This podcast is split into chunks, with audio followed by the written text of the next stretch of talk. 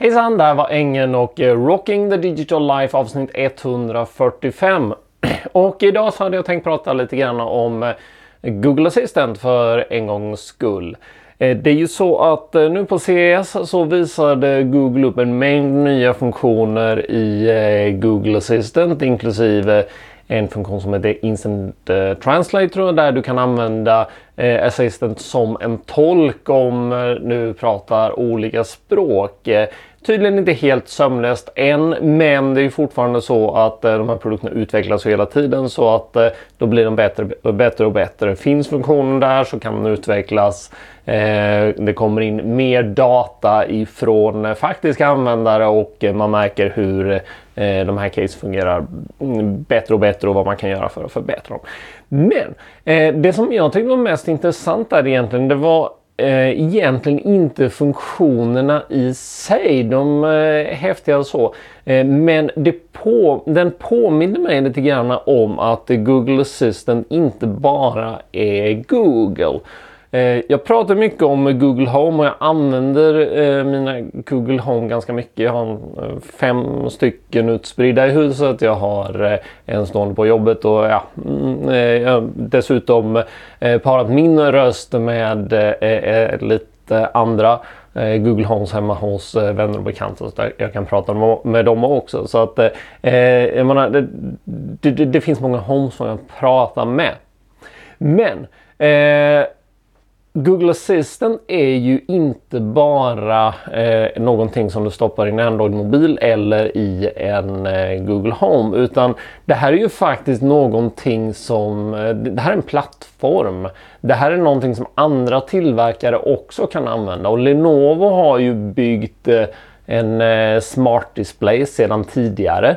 Eh, den eh, eh, den har väl sålt eh, ganska bra har jag för mig. Eh, och är egentligen en konkurrent till eh, eh Google Home Hub som eh, deras egna lilla smart eh, display. på CSS så visade man upp eh, nya smarta väckarklocka med en liten skärm och med Google Assistant. Man visade upp eh, Kitchen Aids eh, Assistant Powered recept hjälp som du kan ha i köket när du lagar mat.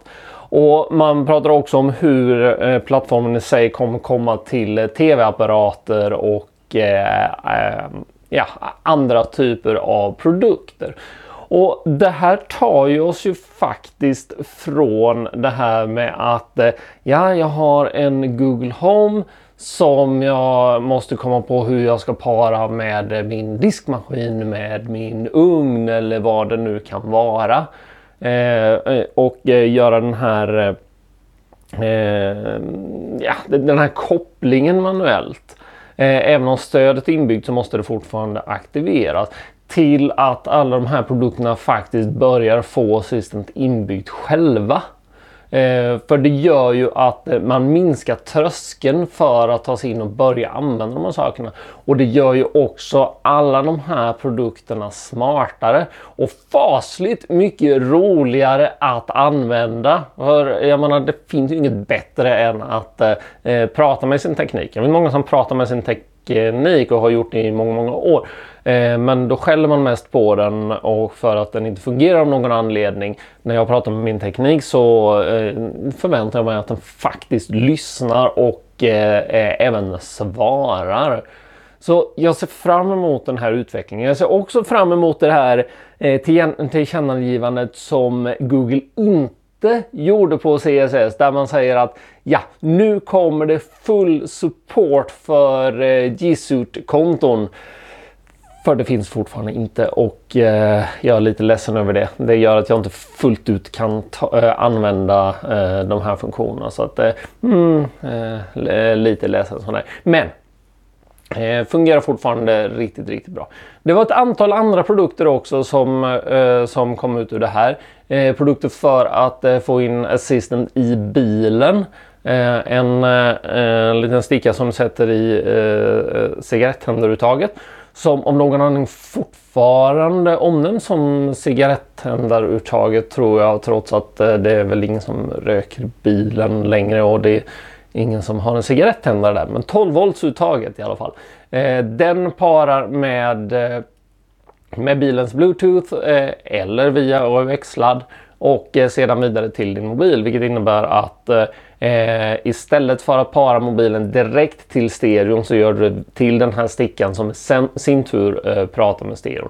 Det gör att du får, kan få det här assistant-lagret emellan på, eh, till bilen eh, och eh, fortfarande spela din musik som, eh, som du vill. Där. Så att, eh, eh, en, ja, men en ganska smart grej.